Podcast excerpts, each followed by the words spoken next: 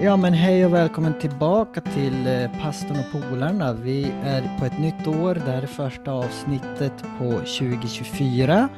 Och idag är vi bara tre. Eh, men vi kör på ändå och nu tänker vi så att vi ska försöka, vi har valt ut våra favoritpersoner i Bibeln och tänkte att vi skulle prata om dem. Så eh, det kommer nog vara några avsnitt här framöver. Um, först ut har vi då Sebastian. Eh, så jag tänkte vi får väl bara lämna ordet till dig och så får du ta oss igenom eh, avsnittet, förklara vem vi ska prata om och, och lite så här. Så blir det säkert ett spännande samtal. Så varsågod. Ja men tackar. Jo, när vi talar om favoritpersoner i Bibeln så jag vet inte riktigt vad man ska säga om man kan säga att det här är en favoritperson på det viset liksom. Det är kanske ingen förebild men eh, det är en person som väcker mycket tankar och känslor, har hög igenkänningsfaktor och är kanske en av de mer kända bibelberättelserna, eh, garanterat en av de mest kända barnberättelserna i Bibeln nämligen Jona. Och, och den här lilla boken som i, i min bibel så är den liksom två, två sidor, är hela, hela berättelsen på fyra kapitel. Eh, och det, det är liksom, så jag kan, jag kan rekommendera att om man ser på det här, för er som ser på det här, pausa gärna, läs igenom de här fyra kapitlerna, för det tar inte så länge att göra så kan ni liksom hänga med i det. Men, eh, men det har märkt som med det mesta som man går igenom, eller allt jag har läst från Bibeln, är att liksom ju mera du läser, begrundar och mediterar över det, desto mera hittar du där. Det, det är liksom en sån kompakt berättelse som har eh, fascinerat mig.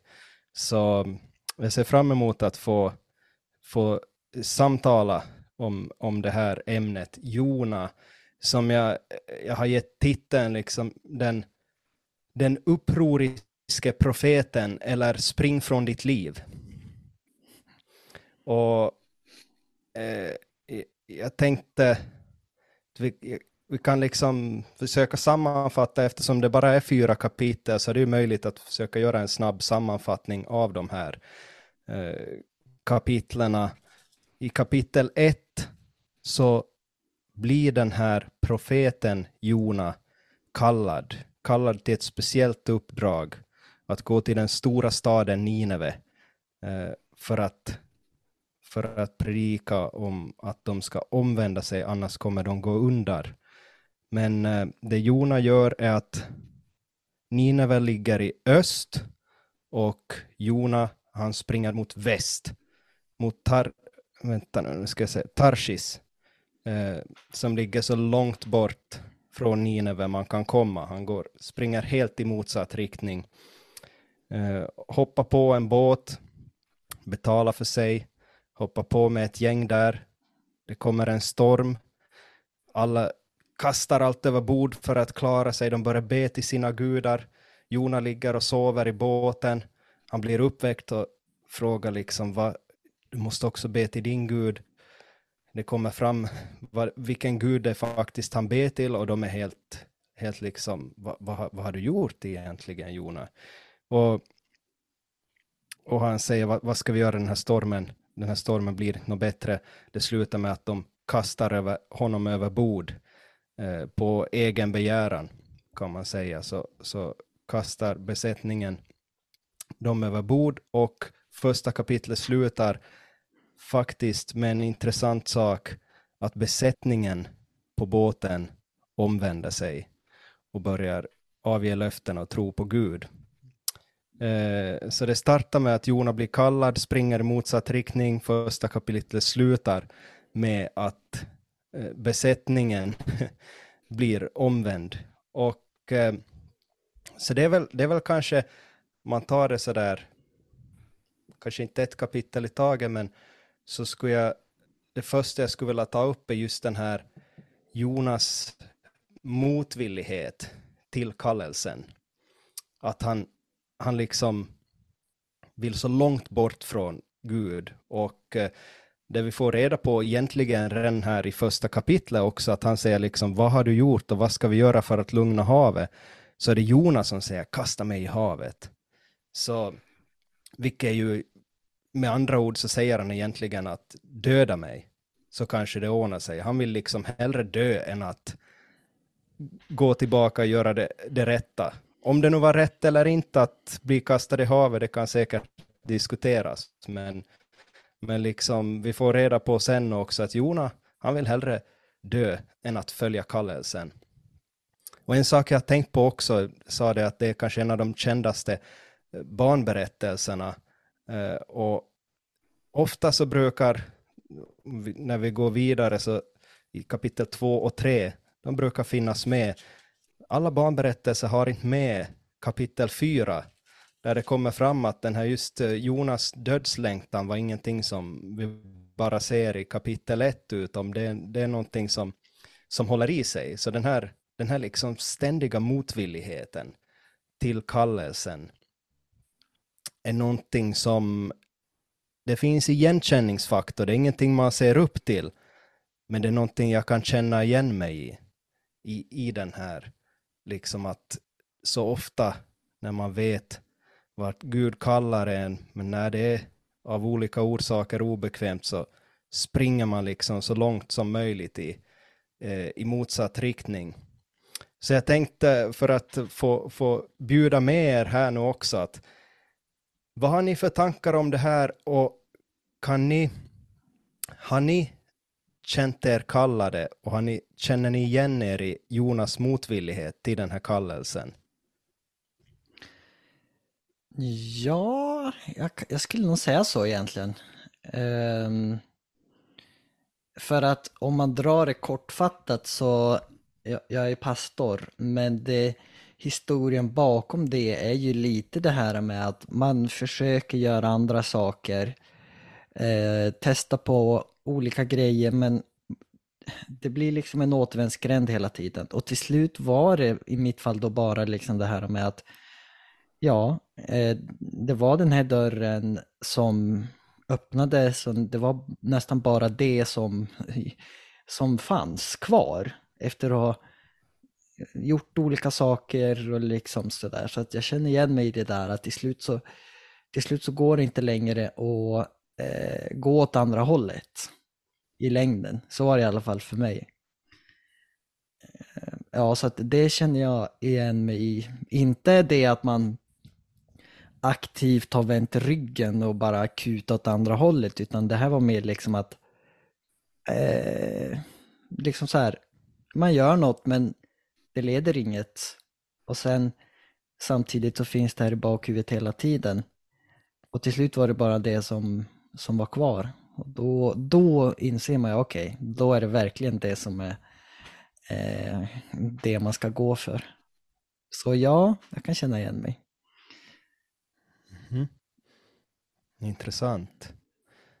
Ja, men det är ju, om man blir kallad till pastor, så det har man ju hört av flera, att det, det, det kanske är ingenting, alla har inte liksom bara rusa och, och, och ta, ta, i första bästa tjänst, utan det, det är verkligen någonting som br brukar kunna kräva en del.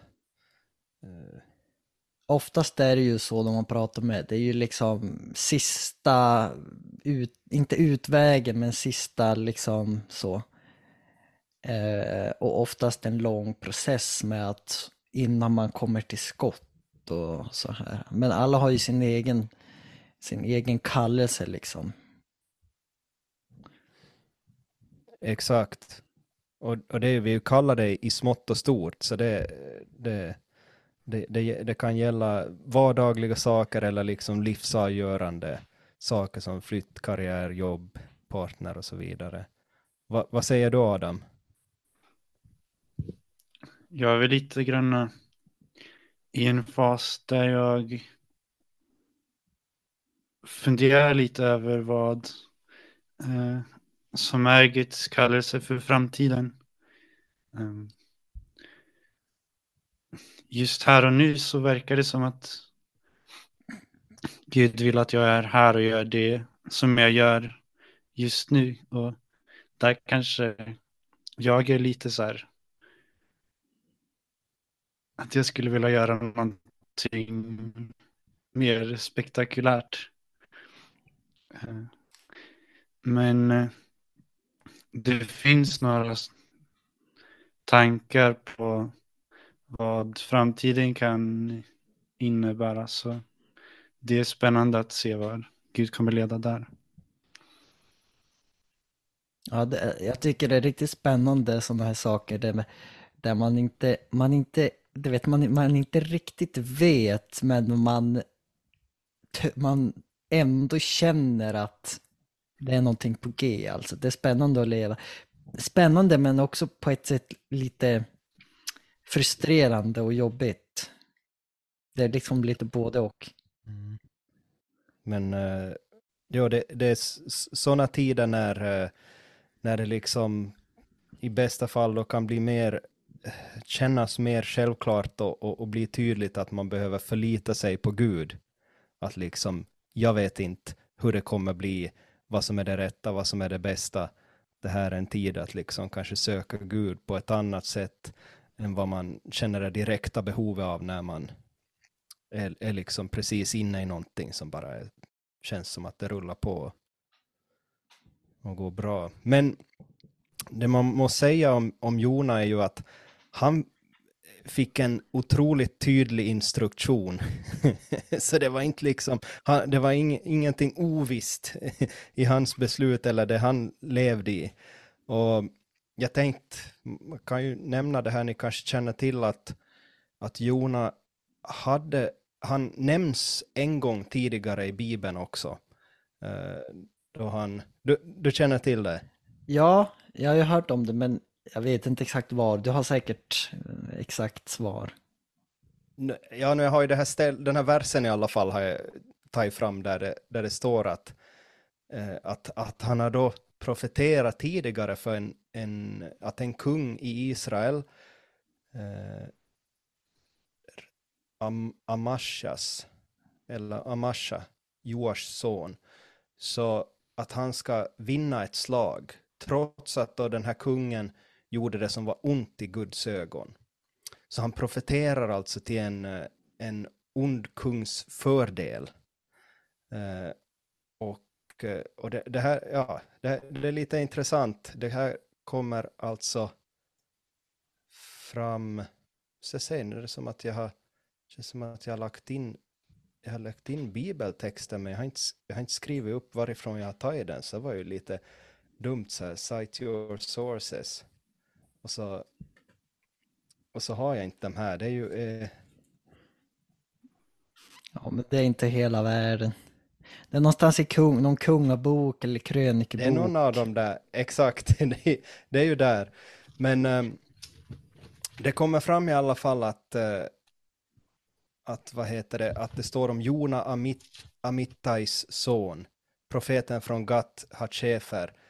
Det är han, eh, han som profeterade att han skulle liksom, den här kungen som hade gjort det onda skulle ta tillbaks vissa områden i Israel trots att eh, kungen inte följde Gud. Och senare i Amos bok eh, så kommer det fram att, eh, att de ska eh, bli av med de här områdena för att det var liksom han, den här kungen hade inte följt Gud, så att det, det gick liksom inte till på rätt sätt, men det kommer fram att eh, det här, Jonas liksom mot, motvillighet eller hans inställning, det var inte, det var inte ett plötsligt infall som var när han blev kallad till, till Nineve, att nu var han sådär att ja, jag har gjort allt som, som Gud har velat, jag har följt, följt honom i allt, men nu plötsligt så, så springer jag åt motsatt håll. Att, mm, vet inte så mycket mer om Jonas bakgrund, men, men, men det är lite intressant att han,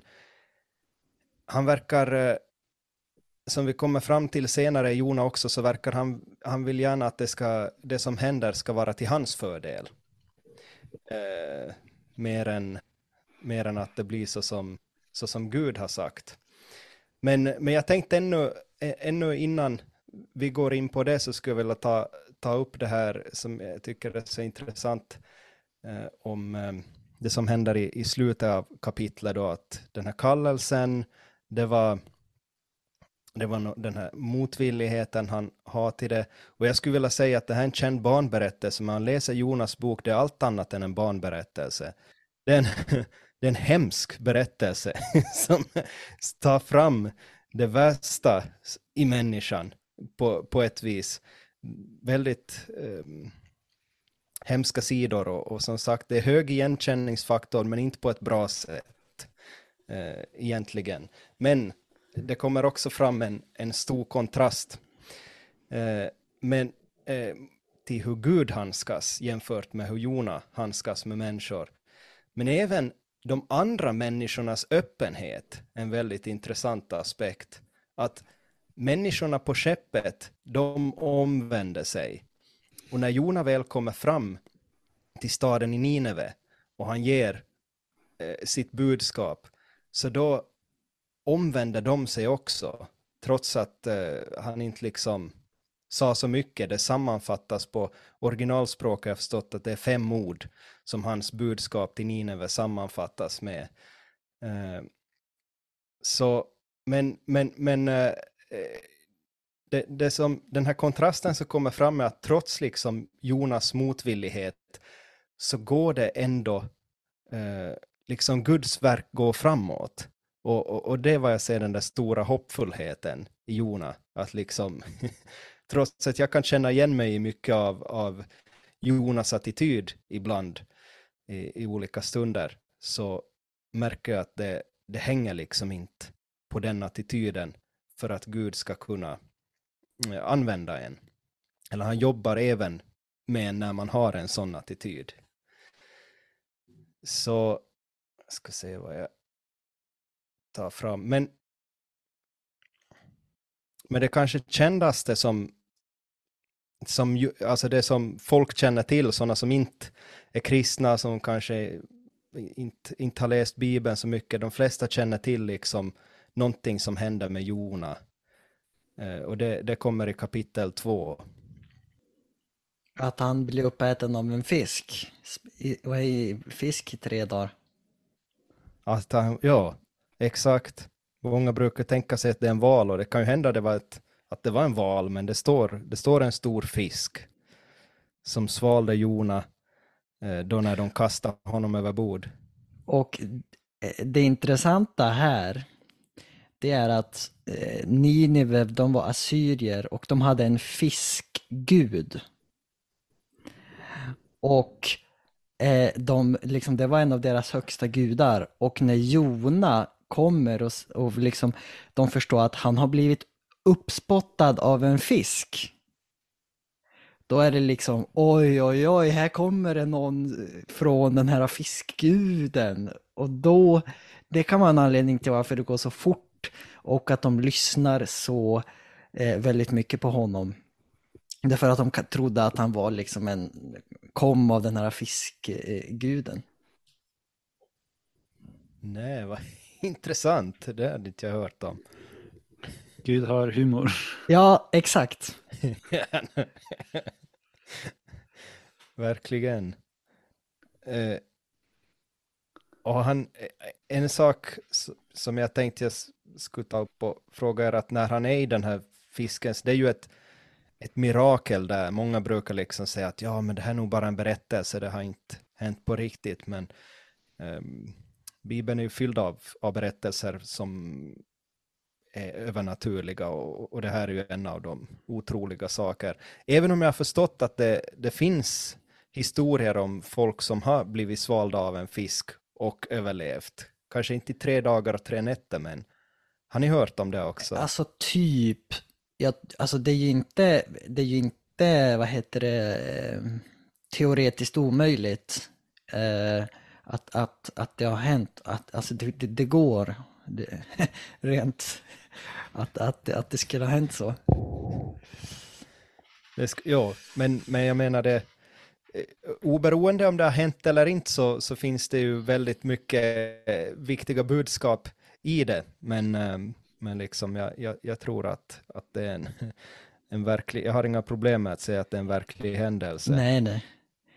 Jag ser att vi har inte så värst lång tid kvar innan eh, vi behöver avrunda vårt samtal. Ja, nej men det går, det går undan det här. Det var det jag tänkte här, Guds barmhärtighet, ändå det jag tycker är som bra att ta upp på slutet, att, att oberoende vad Jona tyckte och när han väl hade levererat det här budskapet, folket i Nineve, de omvände sig och, och, han går ut och ska se liksom att han gav ju ett budskap att de skulle gå under.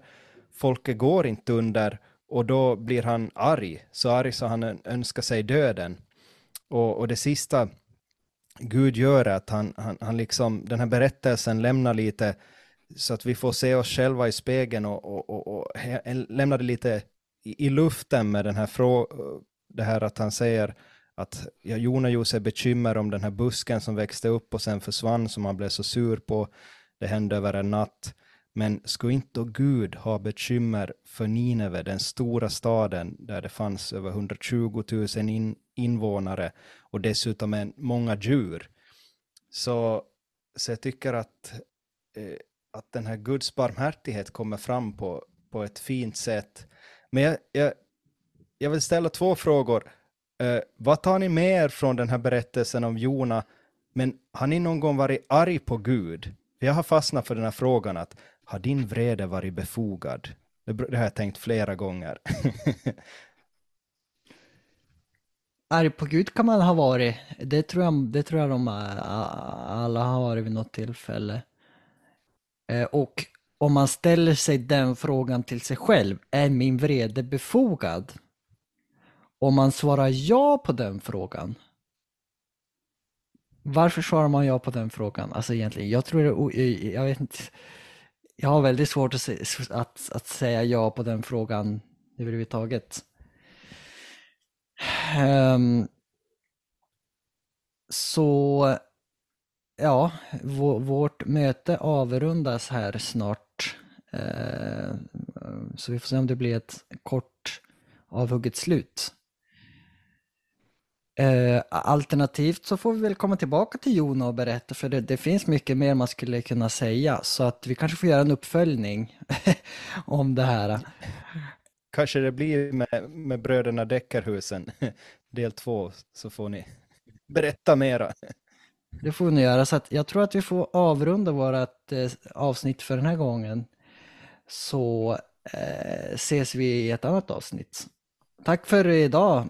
Eh, så hörs vi sen.